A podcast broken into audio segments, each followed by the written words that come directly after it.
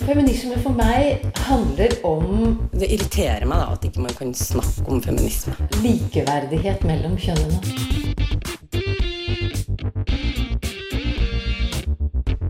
Det blikket på kvinnen på film. handlet det om å bli tatt på alvor som jente. Du hører på Et eget rom på Radio Nova. I 2016 ble det mulig å forandre kjønn uten å først gjennomgå et medisinsk inngrep. På tide, ifølge Skeiv Ungdom. Men hvilke andre politiske saker er viktige for det skeive miljøet?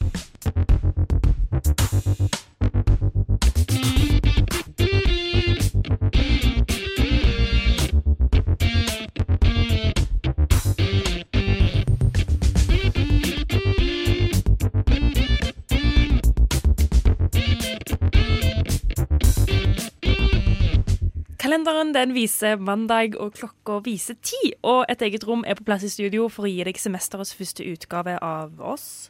Semesterets første utgave av oss? Ja, Ja. det er jo det. Det jo det, det. det er både litt sent og litt tidlig, hvis du skjønner hva jeg mener. Ja. Det er iallfall Lise Aasbø og Linda Rosenberg som skal guide deg gjennom den neste timen. Og Linda, har du hatt en fin sommer? Jeg har hatt en veldig fin sommer. Mm. Absolutt. Vi har jo vært her litt i sommerferien også. Mm. Eh, I forbindelse med Pride-uka her i Oslo, som var eh, veldig gøy. Ja, det var så kjekt. Det var ganske tidlig da på sommeren, så det er en stund siden Det er en stund sist. siden. Ja. Så vi har jo liksom fått virkelig ferie, da. Men vi skal eh, Det er liksom ferie. Vi har vært på ferietur eller utflukt. Ja. Det er det vi skal eh, snakke om i dag. Ja, det er det. Eh, og hvis du ikke har hørt på oss før, så kan jeg jo bare si aller først at vi er Radio Novas feministiske radioprogram. Og vi tar i bruk kanskje den breieste feminismeformen, ikke som fins, men iallfall med en ganske forholdsvis brei eh, feminismedefinisjon, eh, og stiller spørsmål og graver i ulike saker eh, som kan ses på med feministiske briller. Litt sånn nysgjerrig feminisme på en måte. Ja, Ja. Veldig, veldig fint ord på det. Vi fikk jo spørsmål nå i sommer om vi også inkluderer eh, transkvinner. Ja. Eh, transkvinner og transmenn, hjertelig velkommen til et eget rom på Radio Nova. Ja. Veldig fint. Så har vi sagt det også. Ja. For i dag så er det jo skjev politikk som står for tur. Fordi at vi har vært på Skeiv Ungdom sin sommerleir, Javnader. Ja. Sa jeg det rett? Vanskelig å si. Jaffis. Folk sa veldig mye forskjellig. Men jevnader er den rette tittelen, og jaffis er vel litt mer sånn uh... Slang. Ja, Det stemmer. det var sånn jeg forsto det, i hvert fall. Mm, det var i hvert fall veldig hyggelig uh, å dra ut der. Så vi var der en dag nå i sommer. Um, og jeg, hva er det du kan om skeiv politikk? For det var liksom det vi kom for å Å lære om. Ja, å lære Ja. mer om. Ehm, ja, jeg Godt spørsmål, Elisa. Jeg vet ikke hvordan jeg skal svare engang. Ja. For på en måte så er jo skeiv politikk så veldig integrert i all politikk. Mm. Akkurat som all annen eh, feministisk eh, For meg så er det det samme. Det er jo ikke sikkert det er det samme for alle. Eh, politikk. Eh, så jeg kunne på en måte både mer og mindre enn jeg trodde at jeg kunne. Ja, jeg er enig. Jeg var veldig sånn uh, Først når jeg tenkte sånn Ja, nei, kanskje så mye om skeiv politikk, og så kom jeg der, og så var de sakene som ble snakka om under på en måte kategorien skeiv politikk, var ting som man gjerne kunne litt om fra før av, men man var ikke vant til å plassere det i boksen skeiv politikk, da. Ja. Så det var jo utrolig mye, utrolig mye spennende. Men altså bare for å på en måte legge grunnlaget og gi en slags innføring i hva skeiv politikk er, sånn at vi slipper å stå her og ramse opp, så fikk vi jo tatt en prat med lederen i Skeiv Ungdom, Marte Øvrum, eh, om hvilke politiske saker de som organisasjon er opptatt av. Vi har på en måte kommet langt på en del ting i Norge. Med ek ekteskapslov, som betyr mye for mange, med lov om endring av juridisk kjønn, som kom i fjor. Samtidig så ser vi at det er en del ting som mangler. og Mye kan være bra på papiret, men ikke nødvendigvis like bra på en måte i realiteten. da. Lover kommer man et stykke med, men det kommer ikke hele veien bare med lovendringer heller. Men når det kommer til lovmessig, så ønsker vi f.eks. å innføre en tredje juridisk kjønnskategori. Det vil si at På sikt så ønsker vi egentlig vi i Skeiv Ungdom bare å fjerne juridisk kjønn i det hele tatt. For vi skjønner ikke helt hvilken funksjon det har. Når vi allerede er der, heldigvis, at liksom det er din identitet, i hvert fall hvis du er mann eller kvinne, eh, som avgjør hvilke, eh, hvilket juridisk kjønn du skal kunne få, så ser ikke vi helt nødvendigvis verdien av å bruke juridisk kjønn på den måten det brukes på i dag. Da. Ikke at kjønn ikke nødvendigvis har en verdi, men juridisk kjønn syns vi ikke nødvendigvis har en, en så innmari god verdi. Så det er på en måte en, et, et skille der. Ellers er måte opptatt av at vi må, vi må bli flinke til å ivareta et mangfold av familier, et mangfold av mennesker, mangfold av måter å leve livene på. Og der finnes det ganske mange flere relasjoner enn det vi kanskje i dag måte, har gode juridiske rammer for. Da, på en måte. Og også for, måte, for å sikre eh, at barn har rett til sine foreldre. Eh, ikke de som faktisk fungerer som foreldre. Og Det kan også være flere enn to personer, f.eks. Barn har, har, tre foreldre, barn har fire foreldre. Og det er også uavhengig av hvorvidt det er, skjev, det er noe skeivt inne i bildet. på en måte. Barn vokser opp med steforeldre som er, i realiteten er foreldrene deres, men som man kanskje ikke har gode nok juridiske rettigheter mellom. da. Som ungdomsorganisasjon så er Skeiv Ungdom også opptatt av skole. Og gjennom skoleprogrammet Restart så ønsker de å øke fokuset på normer, og hva det er som gjør at noe blir sett på som innafor eller utafor. Hva som gjør at vi ser på, på, kjønn på den måten vi gjør. Som, gjør at vi ser på seksuelle relasjoner på den måten vi gjør. Og det å jobbe for en bedre seksualundervisning over hele linja er viktig. Det er en jobb som staten må ta på et ansvar for. Vi skal gjøre vårt, definitivt, men vi må måtte, få en hel strukturell endring i måten både seksualundervisning er på skolen, men også hvordan skolen tenker. Vi er veldig kritiske til en sånn toleransetankegang, som på, måte, på mange måter vi opplever reelt litt fortsatt i norsk skole i dag. At når man skal lære minoritetsgrupper, så gjør man det ved å på en måte snakke om også dem. Eh, så i det å på en måte prøve å skape såkalt toleranse, så skaper man kanskje også avstand. For man gir på en måte oss som majoritet makt til å definere de som avvikere. Og vi skal være så veldig snille med de som er annerledes, istedenfor å på en måte anerkjenne at blant elever på en skole i en klasse, så er det et mangfold som fins. Det å stå i en klasse og lære, og elever at du skal være snill mot de homofile, usynliggjør det den homofile eller de homofile i klasserommet. Så vi måte, ja, ønsker å utføre en del av de måte, strukturene og måten man tenker på i norsk skole. For å eh, synliggjøre at mangfoldet er ikke noe som finnes utenfor klasserommets fire vegger, det finnes også innenfor det. Og det er veldig veldig viktig for oss. Så ja, også en bedre seksualundervisning som flere kan kjenne seg igjen i. Det er nok sikkert samtlige av ungdomspartiene vi skal ha i debatten er enige om, at man trenger en bedre seksualundervisning. Så må man kanskje også bli flinke til å fortelle hva det faktisk er for noe. En bedre seksualundervisning mener Marte bør handle om flere praksiser når det gjelder sex, og et større fokus på identitet, grensesetting og samtykke. Temaer som det er stor enighet om blant ungdomspartier og organisasjoner. Eh, men likevel så ser jeg at det går veldig veldig sakte. Det har ikke skjedd så innmari mye. I skolen så er det veldig mye av det samme. Det er, liksom, det er kondom og ikke bli gravid, og så er det liksom ikke så innmari mye mer på veldig veldig mange steder. Noen steder er selvfølgelig veldig gode unntak fra det. Og så har vi også, også en, måte, en utfordring å gjøre med tanke på mobbing. Der er nok vi veldig der at vi må være mer nøye for å faktisk forebygge en del ting Det er selvfølgelig også viktig å måte, ha gode grep å ta når en mobbesituasjon har oppstått. Men vi må også se på måte, hva er grunnlaget for at noen mobber. Hva er grunnlaget for at noen blir sett på som annerledes. Og tørre å utfordre det litt. Jeg tror at restart og måten vi jobber med normer på, er veldig nyttig for veldig mye mer enn bare skeive perspektiver. Men generelt når det kommer til minoritet-majoritetsperspektiver. Å jobbe for at liksom, man ikke skal være så veldig nøye med hva som er innafor og hva som er utafor, men på en måte klare å favne flere da, i det fellesskapet vi er en del av. I tillegg så mener Marte at det er viktig å sette større fokus på parnorm og relasjoner, for å vie ut definisjoner når det gjelder hva som er kjærlighet og forhold. Jeg tror mange kan tenke at vi har kommet langt med ekteskapslov, og det har vi. For mange av oss er det viktig. Eh, men for en del av oss er det også sånn at det er man ønsker kanskje ikke nødvendigvis å leve livet sitt i et monogamt forhold. Eh, man ønsker kanskje å ha flere mennesker i et, i et forhold. Eh, man har åpne forhold. Det er mange forskjellige måter, forskjellige måter, å leve relasjoner på. Noen ønsker ikke å inngå i forhold i det hele tatt. Noen ønsker en et forhold som ikke har noe seksuelt i seg. Noen ønsker seksuelle relasjoner som ikke har noe emosjonelt i seg. Det er veldig mange forskjellige måter å leve livet på. Da. Og det tenker jeg vi også må øke bevisstheten om. At vi må kjempe for flere enn de av oss som ønsker å gå inn i livslange monogame forhold. Ja, vi jobber egentlig bare for å måte, klare å ivareta et mangfold av mennesker som vi er, på ulike måter. Og da ser vi at det er noen ting som måte, peker seg ut som særdeles viktig for å, steder å begynne og steder å jobbe. Der hørte du leder i Skeiv Ungdom, Marte Øvrum, fortelle litt om eh, hva Skeiv Ungdom som organisasjon er, er, opptatt av når det kommer til politiske saker. Eh, men jeg digger sommerleirformen. Jeg digger sommerleir generelt. Jeg syns det er kjempekjekt. For det er liksom ikke bare eh, kos og tulling og liksom woho, ha det kjekt og gjøre masse, finne på masse sprell. Men det er òg Du lærer, kan lære veldig mye om ting, da.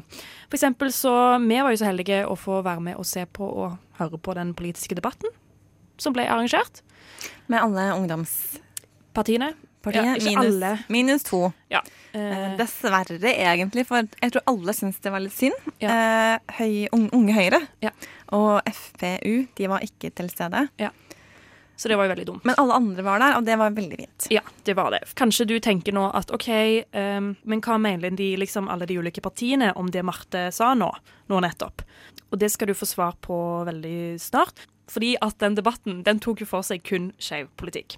Kjempelærerikt, kjempegøy, og de fleste ungdomspartiene var òg eh, representert med nå, nå, skal jeg lese opp alle. Så nå ble det litt ombremsing. Men det er mer bare for å få med alle navnene. ikke sant? Eh, det var Trine Jacobsen Ryland fra Grønn Ungdom. Anna Dåsnes fra Unge Venstre. Tomine Sandal fra Rød Ungdom. Ida Lindtveit fra KrFU. Kai Steffen Østensen fra AUF. Lise Marie Sommerstad fra Senterpartiets Ungdom. Og Celia Lima fra Sosialistisk Ungdom. Ja, vi må nesten si at det her er et utdrag Ja. Eh, fra en debatt som var nesten eller mer enn dobbelt så lang som det du dessverre får høre nå. Eh, akkurat her hos oss. Så vi har plukket ut noen ting som eh, ble debattert og diskutert eh, angående skeive og skeiv politikk. Et helt konkret ting vi jobber for, er å innføre et tredje juridisk kjønnsalternativ. Og derfor så vil jeg begynne med å spørre dere i panelet her om dere ønsker å innføre et tredje juridisk kjønnsalternativ. Senterungene ønsker det. Ja. Grønn Ungdom og MDG ja. AUF ja, Arbeiderpartiet skal utrede, men de kommer til å si ja. Unge Venstre og Venstre ja. SU og SV sier ja. KrFU er for dette og sier ja. KrF jobber vi med. Eh, hos oss er både Rød Ungdom og Rødt for, sier jeg. Jeg kan si for for å være litt sånn annerledes. Så har vi et godt utgangspunkt dere. Hæ? Det har vært en liten applaus, syns jeg. Eh, men så er det en ting om at mange av dere ønsker å innføre. Eh, men det viktige spørsmålet er da hvilke utfordringer ligger det i at vi i dag bare har to juridiske kjønnskategorier? Kan begynne hos AF. Jo, takk. Og det syns jeg kanskje er et av de viktigste spørsmålene vi stiller. Fordi at det handler om mennesker til syvende og sist. Og når noen føler at ikke de blir inkludert i det å få lov til å være en del av fellesskapet, så har vi et utelukkende grunnproblem. Så jeg tenker det er så enkelt å si at vi skal sørge for at alle skal med. Og da må vi også få gjort noe med den benevnelsen som ligger til grunn i forhold til det juridiske. Så syns jeg det er veldig enkelt. Det er farlig å si at vi skal ta det med et pennestrøk. Det har noen partier prøvd før å bli tatt på. Men det er egentlig så enkelt at med å endre teksten og sørge for at vi får systemer på plass, så tror jeg også vi klarer å sikre for at alle blir med. Da er det SV, KrF. Altså. Ja, helt enig med, med Kai Steffen. Det handler om rett og slett at folk må få ha den identiteten de vil. Både i livet, men også rett og slett på papiret. Eh, og så handler det også rett og slett litt om det å ha oppegående systemer. Altså Vi kan ikke ha en stat som forholder seg til en virkelighet som ikke er, er reell. Det finnes flere eh, kjønn enn de to man kan få ha i passet sitt i. Og da eh, ser jeg ikke noen grunn til at staten skal sitte og insistere på noe annet. Nei, Vi har hatt noen diskusjoner på dette i KrFU, og eh, for min del så tenker jeg det egentlig er ganske enkelt. Eh, både fordi at det påvirker ingen andre. Sånn at Det mener jeg taler for at man skal ha en tredje kjønnskategori. Eh, og fordi det er utrolig viktig for de menneskene det gjelder. Hvis du ikke kan definere deg som eh, mann eller kvinne, eh, så mener jeg det skal være et alternativ der når det betyr så utrolig mye. For meg, hvilken identitet jeg har som kvinne, så skjønner jeg også veldig godt hva slags identitet andre har som ikke kan identifisere seg med de to kategoriene vi har i dag. Og det mener jeg taler for at man eh, skal åpne for en tredje kjønnskategori. Er Rød Ungdom, og så er det Senterungdommen før Venstre kommer. Ja, jeg syns jo at det er veldig viktig at eh, de lovene og reglene og det juridiske i samfunnet vårt gjenspeiler det samfunnet som faktisk eksisterer. Og det er jo ikke sånn at eh, det bare fins kvinner og menn og to kategorier i samfunnet i dag. Det fins jo mange flere eh, kategorier eller liksom, type mennesker der ute som ikke passer inn i kvinne eller mann. Så jeg tenker at det er bare på sin plass egentlig at vi får en juridisk rammeverk som anerkjenner at det er virkeligheten. da.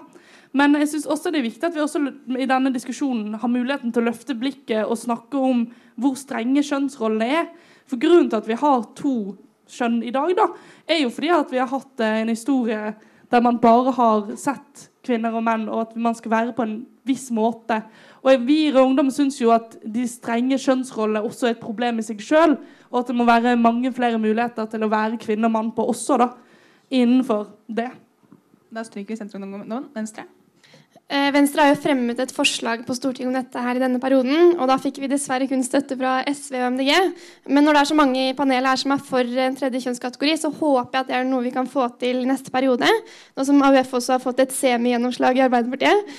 Og så er det jo sånn at Unge Venstre mener jo også at man bør stille spørsmålet om vi bør ha juridisk kjønn i det hele tatt. Vi eh, jobber for, og har jobbet lenge for, å innføre tredje kjønnskategori. Eh, men vi mener at vi bør også løfte debatten om, om staten skal skille mellom borgere basert på kjønn eh, i ikke-medisinske tilfeller.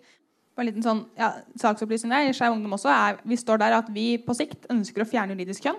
Eh, men vi tenker at et steg i riktig retning vil være å innføre tredje juridisk kjønnsalternativ. Så vi er ikke ferdige altså, hvis vi får en tredje juridisk kjønnskategori. Vi har mye mer å jobbe med. men bare sånn at det er sagt. For dere nå snakker litt om at dette er noe vi ønsker. Eh, men så har vi også noen partier på Stortinget blant annet, som sier at vi må utrede først. Eh, når man ønsker en utredning, så har det kanskje noe å gjøre med at man tenker at det er noen ting som kan være en utfordring. Um, samtidig som dere også har snakket med mange av de gode grunnene til at vi trenger en tredje juridisk kjønnskategori. Så det spørsmålet jeg ønsker å, tenke, å måte, lufte for dere nå, det er hva, hvilke fordeler og utfordringer vil det være med å innføre et tredje juridisk kjønnsalternativ. Da kan vi ta Senterungdommen først. Når det gjelder utfordringer, så kan det være utfordringer når det gjelder omstilling i samfunnet. Kjønnsnøytrale toalett, språklige krav og andre retter som både det private eh, og det offentlige kanskje må oppfylle, og som må oppfylle når vi da innfører en tredje kjønnskategori. Men det en, handler om omstilling i samfunnet. og det er klart det koster. Skal du gjøre om ting, så koster det. Men dette handler om et rettighetsspørsmål. Et rettighetsspørsmål koster kanskje noe, men det er til slutt verdt det. AUF? Vi er ikke så veldig uenige med Senterungdommen her og Senterpartiet i forhold til akkurat dette. Jeg tror vi er veldig enige om at Det som er utfordringen, er jo kostnadene. og Da er det viktig at man velger å stemme på et parti som vil finansiere det. I dagens regjering så vet man at man har kutta i mange av de tiltakene som skal gå både til LHBT, det som går på forskning og det som går på kompetanseheving. Så hvis vi skal kunne se på noen av utfordringene, så tror jeg det ene er kostnader, og det andre er kompetanseheving på dette feltet. Nå løftes jo opp en del sånn praktiske utfordringer, men jeg tenker en større del av en filosofisk diskusjon er jo om, man skal, om man skal ha juridisk kjønn i det hele tatt. Fordi det er jo klart at det er jo synd at man har kommet til det punktet at kjønnsroller er så viktig for folk. Jeg mener ikke at det er et argument mot eh, tredje kjønn i dag, fordi det er sånn samfunnet er i dag. Men jeg ønsker at vi skal jobbe for et samfunn der kjønnsrollene er så visket ut at man kanskje ikke vil ha det behovet for å ha et tredje kjønn. Og så har man jo i tillegg det aspektet at man har f.eks. Eh, Espen Ester Pirelli Benestad som mener at det finnes langt flere kjønn. Rødt før KrFU. Jeg tenker at En stor fordel som flere er litt inne på, eh, er jo at man da kan også utfordre det, de kjønnsrollemønstrene som man ser i samfunnet i dag. Da, og at man ved å innføre tredje kjønnskategori også kan gjøre noe med oppfatningen vi har rundt kjønn generelt i samfunnet. Og at det kan være sunt for alle kjønn. da. Og til utfordringer, for selv om det er en god sak og det burde gå gjennom, så er det jo alltid utfordringer knyttet til sånne ting. Jeg tror at den største utfordringen kanskje som lett kan løses, da, er at man må sørge for at ingen mister rettigheter, bl.a. når det kommer til helse. Fordi eh, det er jo problematisk om det fortsatt skal være sånn at det bare er kvinner som blir eh, eh, kalt inn til gynekolog for å sjekke livmor, f.eks. Og ta celleprøver og sånn. Når man vet at det er flere som tilhører de andre kjønnskategoriene som også har livmor og trenger de samme helsemessige oppfølgingene. da. Så det er jo veldig viktig at man løser. Men det tror jeg er helt fullt mulig å løse. Men det er jo helt sant som AUF sier, at da må det midler på bordet. Ja, jeg er helt enig i det, og spesielt det siste som Rød Ungdom her sier, som er kjempeviktig, også med det regelverket vi har i dag når det gjelder kjønn, kjønnsskifte. Men det blir spurt også om utfordringer, og jeg tenker sånn, en av de store utfordringene i debatten, slik jeg ser, fra det partiet jeg kommer fra, da, det er jo eh, hvorvidt man skal definere kjønnskategoriene ut ifra det biologiske kjønnet. Og så vet vi at det er mennesker som er født i feil kropp. Det er mennesker som ikke kan definere seg med sitt eh, biologiske kjønn eller ønsker en tredje kjønnskategori. Og er, jeg tror mye av debatten står der, og at det er en del som er eh, litt eh, Man kan kalle det trangsynt på at kjønn handler kun om biologi. Eh, og jeg tror at det er den store utfordringen i denne saken, sånn i debatten totalt sett. tenker også bare legge til der, at Når det kommer til biologisk kjønn, er også, vet vi i er mer mangfoldig enn to kategorier. Eh, det er altså en del av oss som blir født med såkalte uklare kjønnskarakteristikker, eller hva man skal, kalle det, intersexpersoner, eh, som vokser opp og som lever blant oss. Eh, så En tredje kjønnskategori vil også være viktig for å faktisk ivareta det, det såkalte biologiske kjønnsmangfoldet blant oss. Skeiv Ungdom syns kanskje ikke det er verdens beste argument. men der, der er vi, det syns nok ikke dere i KrFU heller. sånn som jeg har forstått. Nei, og, og, der blir man jo også altså Der er det noen andre som tar valget for deg eh, på hva slags kjønn du skal bli. Og det er jo også en kjempeutfordring for de som eh, ikke har noe bestemt eh, kjønn da, når de vokser opp. Så der også tror jeg vi Det er en gruppe som totalt eh, nærmest ikke snakkes om i den politiske debatten, som man bør snakke mye mer om. Nå er det sånn at Vi har ikke helt troen på at liksom, alt ordner seg ved å endre en lov. Eh, så jeg lurer litt på Hvilke andre tiltak tenker dere er viktige for å kunne ivareta kjønnsmangfoldet blant oss mennesker på en bedre måte? Begynner med AUF. Nei, og Det er jo kanskje noe av det aller viktigste. Vi kan snakke om lovendringer, men det er jo det som står på papiret. Så er jo spørsmålet hvordan vi er med å omstille samfunnet rundt oss. Jeg tror det her handler om å legge opp til i det offentlige rom muligheten til at alle følger kan ta i bruk de tjenestene og de fasilitetene som er der, uten at det skal måtte gå under en sånn svær fane eller svær symbol om at enten så må du være sånn, eller så må du være sånn. Det andre er jo også hvordan man er med å legge til rette for eh, ja, for kompetanseheving, sånn at man kan møte barn og unge. og er, Vi vet jo det. Men Jeg sitter også faktisk i bispedømmerådet i Agder og Telemark og diskuterer med disse gamle mennene blant annet, som er veldig konservative. Og Noe av det jeg opplever der, er ofte at det er en kompetanseforståelse, en forståelse av hvordan samfunnet har vært, som man ikke har. Så det å drive kompetanseheving blant barn, men også blant voksne og eldre, tror jeg er kjempeviktig. Og som kan være med å forebygge noen av de utfordringene man møter ute i samfunnet. Er venstre? Noe som det er litt vanskelig å gjøre noe med politisk, eh, men som jeg synes samtidig er veldig viktig, er at man får bedre representasjon i f.eks. TV og i bøker og blant profiler. For det er veldig ofte sånn eh, Hvis man ser en TV-serie og så skal man liksom ha mangfold, så har man kanskje ett homofilt par med. Men vi vet jo at vi trenger jo mer enn det. Og det at man støtter opp om og får flere og bedre representasjon blant kanskje barnebøker, at man jobber med det i skolen, at man har gode rollemodeller i skolen, det tror jeg er veldig viktig. Er det KrFU, også Senterungdommen? Ja, nå sa AUF mye av det jeg hadde tenkt å si, men det, eh, jeg tror det handler mye om de symbolene som man bruker i det offentlige rom. Og toaletter er et eksempel. Vi har jo ikke liksom dame- og herretoalett eh, hjemme hos oss. Så jeg, jeg syns de er en helt sånn egentlig oppkonstruert Skjønner ikke hvorfor vi har endt der. At det kun er dame- og herretoalett. Og det gir jo et signal sant, når man kun har det. Samtidig så mener jeg også her da, det er noen utfordringer. F.eks. hvis man på utesteder da, ikke skal ha eh, noen adskilte toaletter, hvor det kan oppstå uønskede hendelser. Da, sånn at man må løse det her på en god måte. Så tenker jeg også det er hva man snakker om i samfunnet. Hva politikere snakker om. Det er kjempeviktig hvordan man omtaler mennesker på. At man ikke trenger nødvendigvis å bruke kjønnskategorier når man omtaler mennesker, sånn som man ofte gjør. Da. Eh, det gir også et eh, signal. Er det Senterungdommen? Nå er det veldig mye sagt og veldig mange gode poenget er tatt, og vi er veldig enig i det. Men en annen ting som jeg tenker på er den unødvendige kjønnsoppdelingen når det kommer til undervisning i skolen. Ta svømmeundervisning, ta annen type undervisning. Der mange deler opp i jenter og gutter. Noe som er med på å skape et skille der. Som er helt unødvendig, og som vi må få slutt på. En annen ting, Vi har snakket om kompetanseheving. Men jeg tror òg kompetanseheving i idrett, i frivillighet, som er en del der mange bruker mye tid er veldig veldig viktig. Det hjelper ikke bare å ha kompetanseheving i skolen, men vi vil òg ha en kompetanseheving i idretten, frivilligheten, så vi kan skape trygge rammer for alle på alle arenaer. Da er det rødt. Og så tror jeg det handler om det kjedelige svaret holdninger. Og det er sykt vanskelig å politisk liksom, bestemme det. Men det vi må gjøre, vi som er opptatt av politikk, og dere som er opptatt av skeiv politikk, det er at man må stå opp og si fra når eh, det, ting går galt. Eh, og dette er litt på siden, men jeg bare må nevne det, for jeg er veldig opptatt av det sjøl. Eh, forrige helg så marsjerte liksom nynazister fra nordiske motstandsbevegelsen, den såkalte, eh, i Kristiansand. Og de marsjerte da mot homolobbyen.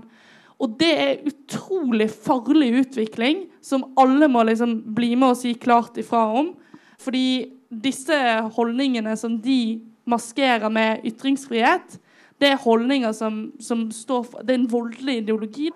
Og jeg syns det er viktig at vi som er opptatt av folk sine menneskerettigheter, egentlig, enkelt og greit, sier ifra om det. da.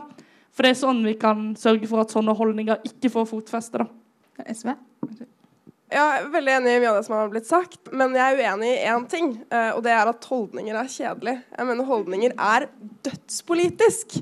Og jeg tenker sånn, når vi ser problemer i samfunnet som er sosiale, da, som går utover de juridiske utfordringene, utover det vi kan vedta ja, med et pennestrøk, da, som vi sa en gang i SV, så må vi likevel finne politiske løsninger.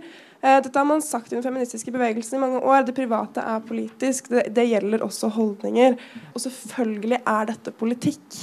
Eh, men det krever en type tankegang som ikke alle politikere er vant med. En type tanke om at vi faktisk kan endre samfunnet. At vi kan endre kjønnsrollene da, politisk. Ja, takk. fordi Jeg måtte bare legge til noe. For jeg var nemlig i Kristiansand eh, forrige helg. Jeg var heldigvis ikke til stede i Markens når nazistene marsjerte rundt, for det var en veldig ubehagelig opplevelse som jeg snakka med med mange av mine venner som var til stede. Men jeg var med dagen etterpå i den motdemonstrasjonen som var, som alle ungdomspartiene, også Høyre Frp, som ikke er her i dag, var med og satte i gang sammen med Fri Sør. Og Noe av det som er viktig der, og som jeg vet Fri Sør også har vært veldig gode på i arbeidet sitt inn mot sånne grupper, er å snakke dialog. Og Det er kanskje noe av det ordet vi ikke har brukt når vi har diskutert akkurat dette med hva vi kan gjøre for å skape det mangfoldige samfunnet vi ønsker. Jeg tror det er kjempeviktig at vi møter de som har en helt sånn i mine øyne og mine ører vrangforestilling av hvordan samfunnet bygges opp. Hvis vi ikke møter de med dialog, heller bare skudd under teppet, så blir dette samfunnet enda mer skumlere enn hva det hadde vært hvis vi hadde møtt de med dialog. Nå skal jeg bare innom liten, eller et tematikk før på kjønn, før vi går litt videre til å snakke litt mer om skolepolitikk. som jeg vet at dere alle også er ganske engasjert innenfor. Eh, for vi er i en situasjon at det behandlingstilbudet som finnes til de av oss som bryter med normer for kjønn, eh, for de av oss som ønsker kjønnsbekreftende behandling, har ganske mange utfordringer. Eh, så jeg lurer på om dere i panelet har noen tanker om hva man ønsker å gjøre med behandlingstilbudet til personer som ønsker kjønnsbekreftende behandling. Da er det først Venstre. Helsestasjon for kjønn og seksualitet i Oslo har jo pekt på en del av de problemene her. Fordi at Per i dag så tilbys det jo kun på Rikshospitalet i Oslo. Og Det betyr også at det er Rikshospitalet i Oslo som kan bestemme hvem som får rett til kjønnsbekreftende behandling eller ikke. Eh, og det man har sett er at det er en del personer med f.eks. psykiske lidelser som ikke får kjønnsbekreftende behandling. Selv om det strider imot forskning og retningslinjer som man har i andre land. Så det jeg mener man må gjøre er at man må organisere kjønnshelse på en bedre måte enn det vi gjør i dag. Og så må vi få nasjonale retningslinjer Eh, slik at det ikke er opp til hver enkelt institusjon. Og I tillegg så mener jeg at det bør være mulig å ta mindre inngrep enn det som gjøres på Rikshospitalet i dag. og at man, Det er ikke alle som føler et behov da, for å gå gjennom hele den prosessen som Rikshospitalet tilbyr. Og så trenger vi rett og slett flere behandlingssteder for uh, kjønnsbekreftende behandling. Det er veldig problematisk at det kun gjøres i Oslo, uh, der det også har blitt pekt på alvorlige utfordringer knytta til arbeidsmiljøet og med fagmiljøet. Eh, og det går veldig utover de pasientene som allerede ofte er i en vanskelig situasjon. Så Derfor så trenger vi først og fremst eh, mer kompetanse og flere kompetansemiljøer, men også flere behandlingssteder. Det er det SV og også Grønn ungdom. Tenker det er få eh, tilfeller i løpet av et liv hvor en så liten gruppe mennesker har så stor makt over en så stor del av ditt liv som eh, det som eh, det oppleves for mange transpersoner eh, i dag. Så vi mener at man må eh, oppheve det monopolet som Rikshospitalet har i dag. Så eh, tenker jeg også det er også få steder i livet hvor en så viktig avgjørelse blir tatt for deg, og hvor du ikke har noen instans etter der igjen, som du eventuelt kan si som du eventuelt kan klage til, og som kan overprøve det. Jeg mener vi trenger en klageinstans for transpersoner som får avslag eh, på kjønnskorrigerende behandling. Og så er jeg helt enig i at vi trenger flere typer eh, behandling. At det ikke kan være et så satt løp eh, som det er i dag. At det rett og slett folk er mangfoldige. Eh, og da må på en måte det helsetilbudet man blir møtt med, eh, gjenspeile det. AF. Takk. Og Jeg er egentlig ganske enig i det som har blitt sagt. og Noe av det som er utfordringen, er jo også ressursene til dette. Og det vi vet, hvis vi går inn og ser på pengene som vi prioriterer til sykehus, sykehussektoren, er jo at noen partier velger å ikke gi like mye penger som andre partier. Det betyr at når man har mindre penger å bruke, så går det utover jo, det går utover det tilbudet man har. Så det kunne vært interessant å spørre Unge Venstre, som snakker veldig varmt om dette temaet, hvordan de har tenkt å løse dette når de sitter som garantisten for at vi har en Høyre-Fremskrittspartiregjering som ikke gir nok penger til sykehusene, og som også er med på å bl.a. privatisere sykehus, som gjør at det offentlige får mindre. For det er det som er fakta i dag. Skal Venstre få svare på litt der? Ja, Nå har jo dere hørt hva vi har vedtatt av politikk, eh, og vi har jo også prioritert denne saken opp igjennom. Eh, og det som er litt viktig å si da, at Når man kutter i sykehus, f.eks., så kan det Dette her handler på en måte om en dette er litt kjedelig, da, men sånn omorganis omorganisering av offentlig sektor og fornying av offentlig sektor. Det handler om at ting skal fungere bedre, og at man skal få nye og bedre systemer som er bedre tilpasset fremtiden. Jeg må bare svare på det, for det, ja, det er riktig at det er Venstre som har vedtatt den politikken, men Venstre har også lukka døra til samarbeid med venstresida. Det var dere ute i VG og sa. Det betyr at dere, hvis dere skal kunne styre dette landet, så er dere avhengig av at dere har partistøtte enten av, eller med KrF, Frp og Høyre. Og Da vet vi at den samme politikken som ble blitt ført de siste fire årene, vil bli ført de fire neste årene, og det er en utfordring. Da får KrF replikk. Jeg bare ble veldig provosert av det. For det er jo overhodet ikke sånn at uh, selv om dette flertallet her kunne blitt det samme etter valget, så vil den samme politikken føres. Både Venstre og KrF har vært rimelig klare og tydelige på at man ønsker en regjering bestående av Venstre, KrF og Høyre. Og den regjeringens politikk ville vært uh, ganske annerledes enn den regjeringen vi ser nå. Uh, både når det gjelder dette området, men også en del andre områder. Eller Rødt, også Senterungdommen. Ja, jeg skal ikke bli med i denne diskusjonen. Jeg skal heller si litt hva vi mener om, om dette. da, fordi jeg har ikke noe førstehåndserfaring med Rikshospitalet sjøl på den måten. Men eh, jeg har eh, venner som også er med i Rød Ungdom, som har det. Og vi har liksom diskutert med de da, for å høre litt hva de syns er problemet. Og en ting som går igjen da, er at man rett og slett mener at eh, Rikshospitalet sitt syn på skjønn er veldig heteronormativt. Noe som jo er både kjipt og nesten litt ironisk. da. For det virker som at man må passe inn i en mal for å få den behandlingen man ønsker. Eh, og det er jo veldig feil. Eh, jeg har en venn av meg som kom og sa er født som mann, men jeg føler meg som jente, kan jeg få behandling? Og så fikk han spørsmål om ja, men eh, har du hatt sex med menn før? Har du lyst til å ha sex med menn? Som om det hadde noe å gjøre med hvor kvinnelig du kunne være, eller hvor mye jente du var. da. Og vi vet jo at ikke alle jenter har sex med menn, og at det er en definerende personlig greie for hvis du skal føle deg som en jente. da. Så jeg synes at det illustrerer Det kan jo være det var sånn én lege som sa det en gang, og at det er litt generaliserende. Jeg kan ta høyde for det. Men det er sånne holdninger som jeg mener at ikke burde være til stede. I alle fall ikke på den avdelingen av Rikshospitalet. da. Oh, yeah, my, my point. Feminism is not about being better than men. Is it? Et eget rom prøver å finne ut hvor mye feminisme egentlig kan være. Hver mandag på Radio Nova.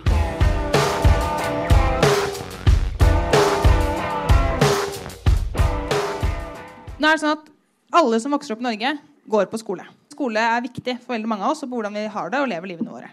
Eh, og Derfor vil jeg nå at dere alle skal få svare på spørsmålet om hva som skal til for å skape en inkluderende skole. Grønn ungdom MDG mener at en av svarene på dette spørsmålet er at vi må ha normkritikk inn i skolen. Og det er veldig veldig viktig at man lærer tidlig, og ikke nødvendigvis allerede i skolen, men også i barnehagen, at det finnes ulike kjønn, at det finnes ulike legninger. Og i det hele tatt at det finnes veldig mange måter å være menneske på. At alt det er normalt. Og så mener vi i tillegg at en av de andre tiltakene man må ha, er mer ressurser til skolehelsetjenesten. Det er i hvert fall noen konkrete tiltak som man kan sette i gang for å få til en mer inkluderende skole. Jeg husker i 2011. Da kom jeg ut av skapet eh, på videregående. Og En av mine største utfordringer som homofil i en lita bygd på Sørlandet, tenkte jeg konservative Sørlandet, ja, det var nettopp det at helsesøster ikke var til stede. Jeg hadde behov for å ha noen å snakke med. Og vi vet at helsesøster eller skolehelsetjenesten er viktig for å skape liksom, det mangfoldige miljøet. fordi at Hvis du ikke har noen du er trygge på som du kan snakke med, så tro, tror jeg heller ikke du tør å være deg selv. Og da blir altså også miljøet mindre mangfoldig. Så En av de viktigste tingene for min del det har vært at vi ja, Arbeiderpartiet går til valg på at vi skal øremerke midler til skolehelsetjenesten, så vi faktisk får en skolehelsetjeneste på alle skolene. Og så synes jeg det er veldig viktig med holdningsarbeid. Jeg tror det er viktig at vi får på plass lokale LHBT-planer i alle kommunene, sånn at hver kommune, hver fylkeskommune har konkrete tiltak, konkrete punkter på hvordan de ønsker å jobbe retta inn mot ulike minoriteter. Jeg tror det er kjempeviktig. Og så er jeg veldig fan av det som heter rosa kompetanse. Det vet jeg dere her inne også kjenner godt til. Jeg tror det er noe av det viktigste vi gjør. Kompetanseheving. Det er viktig for å skape det mangfoldige skolemiljøet vi trenger. Og ikke minst at vi får mer LHBT QIA pluss, alle disse eh, betegnelsene vi har, for å snakke om det mangfoldige samfunnet vi skal være, inn i skolen. Hvis ikke vi har det inn i undervisninga, da tror jeg vi henger veldig langt bak. Og så er det veldig interessant, for vi ofte diskuterer Når vi diskuterer skole, så diskuterer vi PISA-undersøkelsen. og Det er liksom den undersøkelsen som sier noe om hvor gode vi er, og hvor lite gode vi er i forhold til veldig mange andre land. Og Vi kan godt diskutere hvor mange karakterer og hvor høye karakterer vi skal ha på de ulike tingene. Men én ting vi ser, og som har skjedd spesielt de siste fem-seks årene, det er det at pilene på enkelte fag går opp, mens på bl.a. forståelsen av demokrati, det å være kritisk til hvordan samfunnet utvikler seg, de pilene går ned. Og Det tror jeg er kanskje en av de verste utfordringene vi står overfor. Hvordan skal vi klare å snu våre medmenneskers holdninger i forhold til det å tørre å være kritisk til de holdningene som er der ute? Ja, og nettopp derfor så går Venstre faktisk til valg på å fornye innholdet i skolen med mer kritisk tenkning, kildekritikk og styrking av de fagene som gjør oss i stand til å være deltakende borgere, som, som samfunnsfag og historie. Og så har det blitt sagt veldig mye godt her om skolehelsetjenesten. Eh, og det har jo Unge Venstre og KrFU fått veldig gode gjennomslag for i disse fire årene, for å styrke skolehelsetjenesten. Og det skal vi fortsette å gjøre. Eh, og så er det jo sånn at Læreren er en av de viktigste rollemodellene for veldig mange barn. Og jeg synes Det er viktig at man starter med holdningsarbeid eh, allerede i barnehagen. Men det at man eh, styrker f.eks. en eh, praktisk-pedagogisk utdanning i lærerutdanningen, sånn at man lærer å være en god og klasseleder og være en tydelig klasseleder og være der for elevene. Ikke kun ha den faglige dybden man trenger, men også være den rollemodellen. Det syns jeg er viktig. Det første og aller viktigste mener jeg er lærertetthet. Det at alle elever blir sett av læreren sin og kan bli fulgt opp av læreren sin.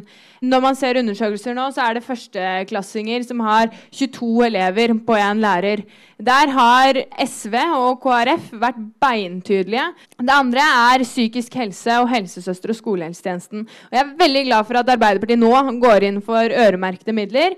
Eh, Venstre og KrF har sammen kjempet gjennom øremerkede midler de to siste årene i budsjettene til denne regjeringen. En regjering som i utgangspunktet er mot alt som heter øremerking, så det mener jeg er et ganske godt stykke arbeid. Men vi ba også om dette da Arbeiderpartiet satt i regjering, sånn at jeg er veldig glad for at Arbeiderpartiet nå også går inn for det. Så er det en ting til, og det er ta tak i mobbeproblematikken. Da jeg begynte i KrFU, så var det en fyr som snakket om mobbeombud. Eh, så fikk han gjennomslag for det i KrFu.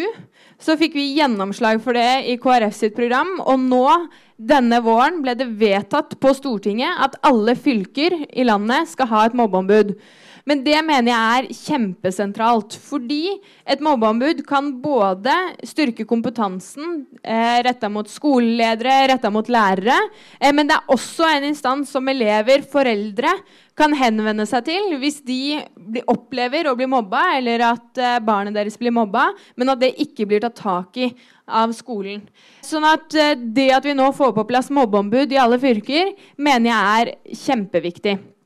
Mm. Jeg syns det er mye bra som blir sagt om helsesøstre, og det er veldig bra. Men jeg tror at for at skolen skal bli en mer inkluderende skole generelt, så må det nok til ganske store reformer på hvordan skolen er bygd opp som helhet også.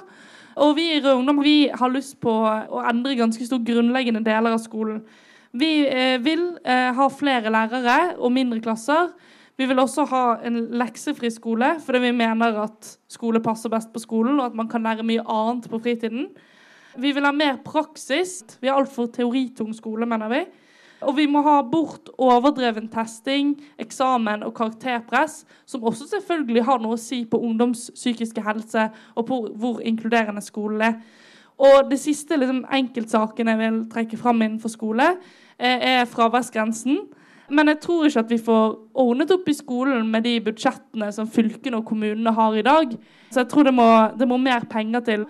Eh, det ble tatt opp litt av KrF, til dette med mobbing. Jeg lurer på om dere har lyst til å kommentere det. Både hva kan vi gjøre for å forebygge mobbing, og i situasjoner hvor det fins mobbing, hva kan vi faktisk gjøre med det problemet? SV, KrF, Arbeiderpartiet.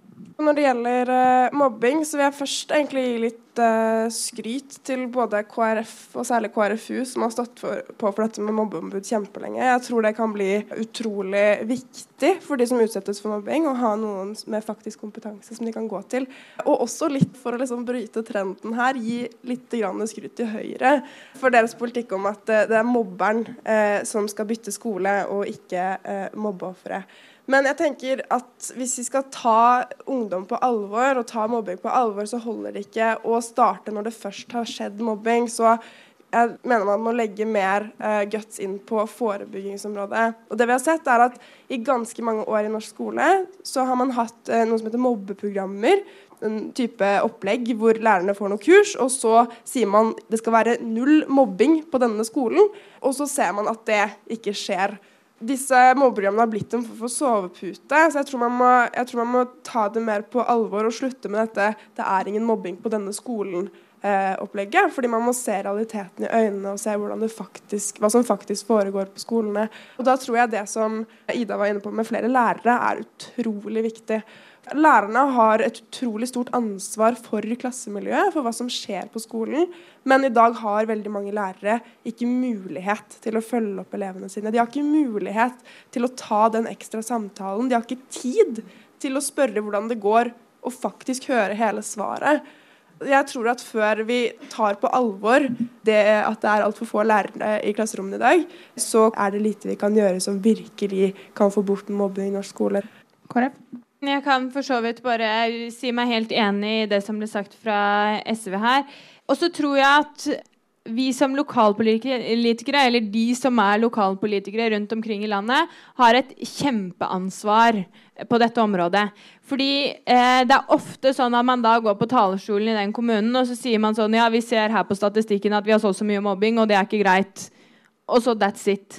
Og noe av det vesentlige da er at man faktisk får planer i kommunen som gjelder alle skolene.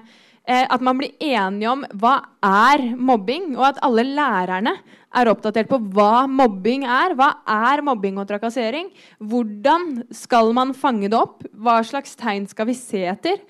Og så ha en handlingsløype for hva man skal gjøre når man ser mobbing. Eh, for jeg tror det går ganske mange lærere rundt der som ser at det er noe form for mobbing, ikke er helt sikker på hva det er, ikke er helt sikker på hvor alvorlig det er, og velger da å gri ikke gripe inn fremfor å gripe inn. Og Det handler om kompetanse og det handler om trygghet i å vite hva er det jeg skal gjøre når jeg oppdager dette, og at barna vet det.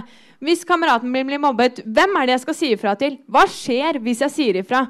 Fordi Hvis man som barn tror at hvis jeg sier ifra, så vil jeg bare bli stempla som en sladrer, og det kommer ikke til å skje noe heller, ja, da er det få av oss som hadde sagt ifra. Sånn at Det å ha kunnskap og det at alle på skolen vet hvordan mobbing blir tatt tak i, hvordan man skal reagere, det mener jeg er helt vesentlig. For det er altfor mange lærere der ute som ikke tar tak i mobbing som foregår. Og det tror jeg handler om manglende kompetanse og manglende retningslinjer på den enkelte skole for hvordan man skal ta det opp. Eh, men jeg vil reagere litt på den eh, ordningen som Høyre lanserte med mobber bytter skole. For jeg tror ikke at det er et kjempegodt svar på hvordan man skal løse mobbeproblematikk. Jeg tror det er mange grunner til hvorfor man også mobber. Og det å på en måte skyve ansvaret for den som blir mobbet, som bare en slem person som man bare må fjerne, det tror jeg er veldig feil måte å angripe situasjonen på. Og jeg tror også det er en del ting som kanskje den som mobber, sliter med, som må tas tak i på en annen måte enn å bare be deg bytte skole. Det er Arbeiderpartiet. Takk, og jeg har lyst til å være enig med KrF og KrFU i det siste, for jeg er helt enig. Det er, skjønner virkelig ikke poenget med å sende mobber rundt på en sånn type turné hvor man liksom skal sende fra skole til skole til skole. Det er jo ingen effekt hvis ikke man tar ta, tak i problemene. Og som du sier, så er det jo noe med at når man mobber, så er det jo også et problem hos mobberne det ligger noe til grunn her som jeg tror er viktig at vi også ser på. Men det betyr ikke at vi skal ta lett på det. Det er selvfølgelig en utfordring. Og noe av det Arbeiderpartiet har foreslått, Vi foreslo 25 eh, tiltakspunkter i Stortinget som dessverre ble stemt ned. og Et av de punktene det gikk på at eh, skolen i mye større grad kan bli pålagt tilsyn av andre organer. sånn at hvis ledelsen for ikke følger opp en mobbesak, ja, da er det jo et ledelsesproblem. og Da må noen gå inn og følge med at ledelsen tar tak. Og En av de utfordringene som ble vedtatt i den nye loven, er jo nettopp dette med at man har med et pennestrøk fjerna muligheten for enkeltvedtak i mobbesaker. Det betyr at den formelle rettigheten en elev har når de blir utsatt for mobbing, den er fjerna. Så det betyr også at det dokumentet som ville blitt lagt inn i et system som sier at du har fått en sak på at du har blitt mobba, som eventuelt kunne blitt tatt videre til et, til et domstol hvis det var så alvorlig at det burde blitt tatt der, ja, den er borte. Så man har på en måte innskrenka rettsvesenet til enkelteleven med å gjøre det. Og det er en utfordring vi i Arbeiderpartiet ikke støtter. Men så vil jeg si noe, fordi når vi ser på mobbetallene, så vet vi i dag at på videregående så er det rundt 4,5% som blir mobba. I høyere utdanning så er det 9% som blir mobba, og i arbeidslivet så er det 15% som blir mobba. En utvikling vi ikke liker. Vanligvis så liker vi når pilene peker oppover. Her bør pila peke nedover. Det betyr at vi ikke klarer å stoppe det. Og jo eldre vi blir, ja, jo fælere virker det som at vi også blir. Og da er det et holdningsproblem, mer enn det er bare et, kanskje på skolen. Så jeg tror vi må begynne i barnehagene. Jeg tror det er der vi må sette inn støt. Og da går det på akkurat det samme som har blitt sagt her. Vi må ha flere lærere både i skolen, men også i barnehagen.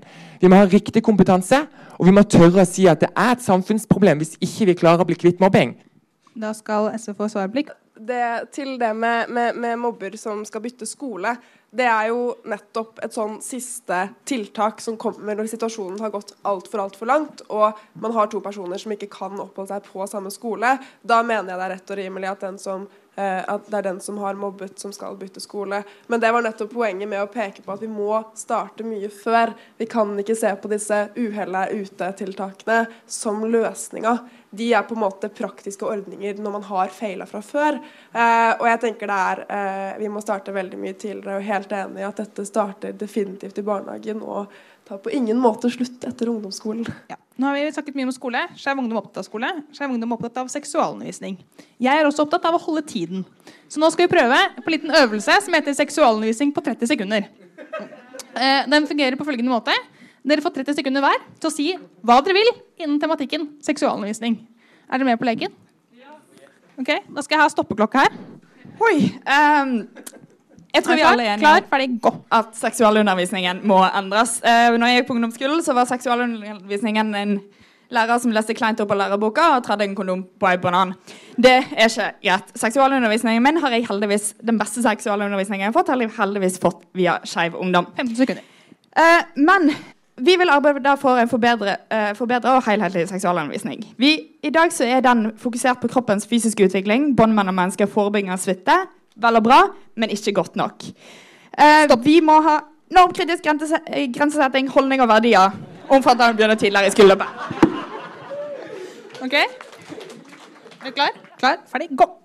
Vi har lyst til å innføre bedre og tidligere seksualundervisning. og det som er viktig da, er å ha fokus på sunne relasjoner, forelskelse, legning, kjønnsnormer og samtykke og grensesetting og overgrepsproblematikk. Så det er ganske mye vi vil ha inn i, uh, inn i seksualundervisning. Um, ja, Det må også mye normkritikk inn her også. Uh, ja, jeg skal holde tida, jeg. Ja. Takk. Veldig, veldig bra. Greit, AUF, er du klar? Og nå tror jeg det blir mye enklere for alle oss andre, for vi er ganske enige i det som har blitt sagt. Men det som er mitt poeng her, er at seksualundervisning det er mer enn banan, kondom og glidemiddel. Vi er nødt til å tørre å snakke om verdiene, vi er nødt til å tørre å snakke om grensesetting, normkritikk og de tingene som allerede er blitt løfta opp. Så tenker jeg at eh, det virker som vi er veldig enige allerede, så jeg tror vi skal klare å få flertall for det i Stortinget etter dette valget. Veldig bra. Vi må ha seksualundervisninger fra barnehagen til videregående som inneholder bl.a. grensesetting og respekt, ulike kjønnsuttrykk, legninger, lyster og metoder. Og så må vi også klare å formidle et litt positivt syn på seksualitet. Og så må vi klare å skaffe mer penger til kompetansemiljøer og støtte organisasjoner og prosjekter som Ukesex, og få til plan for seksuell og reproduktiv helse i alle kommuner. Det er bra. 24 sekunder. Okay. Klar? Yes, Seksualundervisninga må ha mindre av det vi kan google oss til, og mer av det som er viktig i livet. Jeg tenker jeg hadde uansett funnet ut uh, hvordan jeg skulle ta en kon uh, kondom på en banan. Mens det å vite hvor ens egne grenser går, hvordan man kommuniserer de grensene, og hvordan man respekterer andre sine grenser og får aktivt samtykke, det er ikke like lett å finne på WikiHow. Uh, og så må vi starte i barnehagen. Der må stoppe. Jeg, jeg er enig i veldig mye av det som har blitt sagt. Og vi er alle enige. Vi har vært det lenge, men likevel så skjer det ikke noe. Det er den største utfordringen med dagens seksualundervisning, som er like dårlig i dag som det den var da jeg gikk på ungdomsskolen. Um, grensesetting, helt klart. Holdninger uh, må inn i seksualundervisningen. Men jeg slår også et slag for kanskje man bare skal endre navnet. Eh, fordi at seksualundervisning, da er det liksom praktisk, eh, for å si det sånn, med en gang. Men kanskje hadde man fått inn noe mer i det faget hvis man faktisk hadde endra fagnavnet. Det var akkurat 30 sekunder. Det var nydelig. Ja, jeg tenker, leser opp liksom, notatene sånn som de står, for jeg tror det tar kort tid. Eh, mindre heteronormativitet. Ikke bare ta kondom på penis. Mer tid og mer fokus på det i lærerutdanningen. Grensesetting, men også grenserespektering. Normkritikk også fokus på at sex kan være en bra og fin ting. Samtykke, hjerte-hjerte. Da går vi inn på temaet familie. For i Skeiv Ungdom så vet vi at det er mange måter å leve gode liv på. Det er mange måter å leve gode relasjoner på. Og det er mange måter å ha familie på. Så hvordan kan staten, eller kommunen, eller politikerne bidra til å sikre rettighetene til et mangfold av familier? Venstre? Her er jo Venstre det helt klart mest liberale partiet. Det er jo en del utfordringer knytta til det norske adopsjonsregelverket bl.a. Og det er jo en utfordring at det kun er Colombia av våre samarbeidsland som tillater likekjønnede par å adoptere. Og Derfor så vil Unge Venstre at vi også skal åpne for adopsjon innad i Norge. Men Unge Venstre og Venstre mener også at man må åpne for assistert befruktning for enslige. Vi vil tillate flere juridiske foreldre. Vi er åpner for eggdonasjon, eggdonasjon ikke-kommersiell surrogati. Og så ønsker vi å fjerne ekteskapsloven. Da er det AUF. Og jeg var med og stemte ja til at homofile og lesbiske kunne gifte seg. Kirka kommer ikke til å gå inn for at vi skal fjerne en ekteskapslov, men jeg er veldig glad for at vi har fått på plass en ekteskapslov som er med å regulere det som gir også noen viktige støtteordninger, akkurat sånn som det er i dag, i forhold til når man gifter seg eller ikke, om det er kirka eller eh, statlig. Så jeg er veldig glad for at den rød-grønne regjeringa fikk gjennom det i 2008-2009. Eh, andre ting som jeg tenker er viktig, er bl.a. dette som går på permisjon. Det å få til ulike familieliv, uavhengig av hvem man er i den familien. Det er viktig at man kan sikre foreldrepermisjon. Jeg tror det er viktig at man eh, får innført eggdonasjon. Det har Arbeiderpartiet endelig sagt ja til. Vi har også sagt at vi ønsker flere enn to juridiske foreldre. Det er jeg veldig glad for. Det betyr at de ulike familiene der ute endelig kan føle på det å være en familie, mer enn det å være noe som er tiltenkt en familie, fordi at teksten sier at ikke det er lov. Da er det rødt jeg syns det er veldig viktig dette med adopsjon. Og det er helt sant som mange Venstre sier, at det er lett for at vi i Norge mener det skal være greit at likekjønnede kan adoptere, når resten av verden, eh, unntatt Colombia, da, ikke går inn for det. Og da må man jo jobbe internasjonalt. Jeg mener Norge har en plikt til å jobbe internasjonalt for å bedre adopsjonsvilkårene. Og da er det jo én ting som er litt sånn, kanskje litt teknisk innenfor det, men som også er viktig. da, Og det er at veldig mange, eller alle land, eh, unntatt Colombia der òg, anerkjenner eh, på kun eh, folk som er gift, som kan adoptere. Det holder ikke at vi bare jobber for at man skal anerkjenne at likekjønnede par kan eh, adoptere, men også at liksom, man skal jobbe for at kanskje samboere kan adoptere internasjonalt. Så det er jo en vanskelig å vedta i Norge at andre land skal gjøre sånn og sånn, men vi har jo en mulighet til å påvirke internasjonalt, og det syns jeg vi skal gjøre i enda større grad enn vi gjør i dag, da. Senterungdommen det viktigste for meg er at barnet har et godt nettverk rundt seg. Om det er enslige foreldre, eller om det er likekjønnede foreldre, eller om det er foreldre av ulike kjønn, så er fokuset her at barnet har et godt liv. Derfor må vi gi fleksibilitet i foreldrepromosjonen. Vi kan ha to barnehageopptak, sånn at du òg der får mulighet til fleksibelt familieliv. Og så er det opp til dere og oss sjøl hvordan vi ønsker å få ha det familielivet. Grønn Ungdom.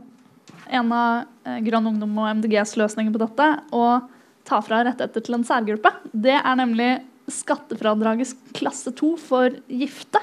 Som eh, vi vil ha, ha, vekk. Det er helt på trynet at staten skal ha en formening om, om å favorisere en familietype over en annen. Så vil vi oppheve forbudet mot eggdonasjon. Og vi vil også åpne for at par som mottar eggdonasjon, samtidig skulle, skal kunne benytte sæddonasjon for å tilrettelegge for flere typer familier enn den såkalte kjernefamilien. KrF? For det første er jeg helt enig med Sara at det viktigste vi kan gjøre for barnefamilier, uansett hva slags type familier de er, det er gode ordninger rundt som gir dem fleksibilitet til å kunne være litt lenger hjemme hvis man vil det, til å kunne begynne i en innmari god barnehage hvis man vil det, når barnet er klar for det. Eh, så er jeg eh, veldig stolt av at KrF ikke lenger skal reversere eller jobbe for å reversere ekteskapsloven. Det må jeg si at det har vi noen av oss jobbet for en stund, og det syns jeg er veldig bra at man endra på det. Og så er det fortsatt store uenighetspunkter mellom eh, eh, Skeiv Ungdom og, og, KrF og KrFU på disse eh, familiepunktene. For det første så mener vi at det er viktig at barn kjenner sitt biologiske opphav. Derfor er vi mot eh, eggdonasjon.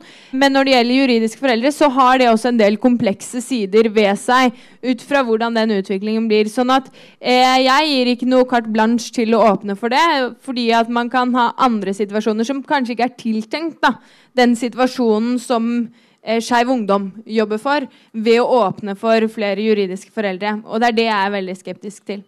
Svareplikt til Venstre, og så svareplikt til SV etter det.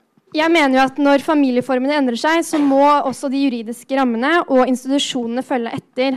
Og dette her med flere juridiske foreldre det mener jeg er med på å styrke rettssikkerheten til både barn og foreldre. Og jeg mener at det er til barns beste.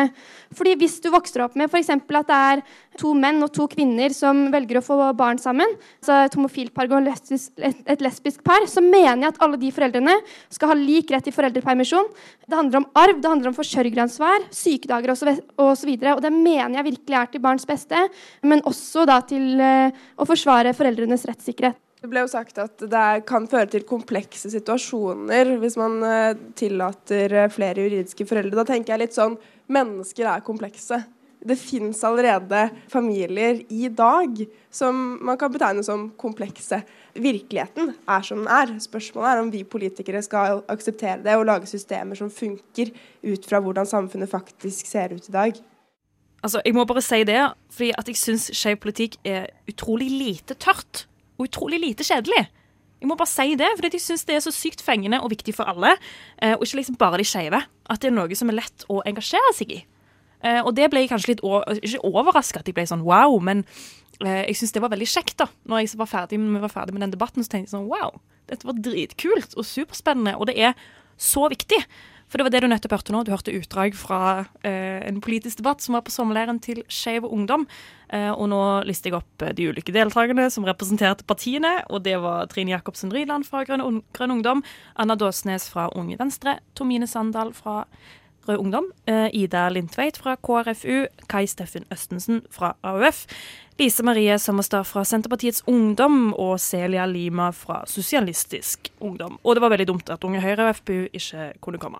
Vi prøvde oss å bli litt kjent med noen deltakere eh, som skulle på denne debatten, for å høre litt om deres politiske hjertesak, hvis vi kan si det på den måten. Så vi skal høre et lite, kort klipp hvor deltakere på denne sommerleiren eh, fikk komme med sine synspunkter. Har dere noen sånne mer politiske hjertesaker selv som dere brenner veldig for? Tredje kjønnsalternativ. Hvorfor er det så veldig viktig for deg? For å åpne dører for folk som ikke passer inn i de to kjønnsrollene vi har i dag, som i utgangspunktet er et sosialt konsept. For å inkludere alle, for at eh, alle skal få lov å bli beskytta av, eh, av loven. For det, det gjelder ikke i dag. Som f.eks. diskrimineringsloven. Den gjelder legning og ja, eh, religion osv., men det gjelder ikke kjønnsidentitet. Og det er jo noe vi kjemper hardt for. At folk ikke skal bli sett ned på bare fordi de ikke følger sånn som samfunnet er lagt opp. Folk skal føle seg trygge på å være den de er. De skal være komfortable i, i seg sjøl. Ikke føle de må endres på hvem de er for, for at folk skal se på dem som likeverdige. Der hørte du klipp fra noen deltakere på Skjev Ungdoms sommerleir i Javnader. Og jeg tenker at skeiv politikk det er noe vi må snakke mer om. Og det skal vi snakke mer om. Ja, det stemmer. Det er kanskje, Vi må vente og se, for kanskje det lurer en liten BDSM-sending i nærmeste fremtid. Det var, var det en litt sånn fin tease Ja. til neste uke? Ja. Vi er jo selvfølgelig tilbake neste uke. Ja, det er vi. Og i mellomtiden så kan du jo gjerne følge et eget rom på Facebook og Instagram for updates og sånn. For det er Lise Aasbø og Linda Rosenberg som har vært i studio i dag. Og du finner oss òg på podcast-appen din på din eh, telefon. Hvor vi har masse podcaster fra tidligere sendinger liggende, hvis du har lyst til å sjekke det ut. Vi hører allerede Miro Miro Bell eh, med den catchy låten 'Infielder' i bakgrunnen her, og den skal du òg få med deg eh, på vei ut.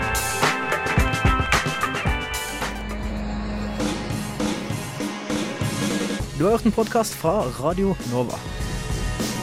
Likte du det du hørte? Du finner flere podkaster i iTunes og på våre hjemmesider radionova.no.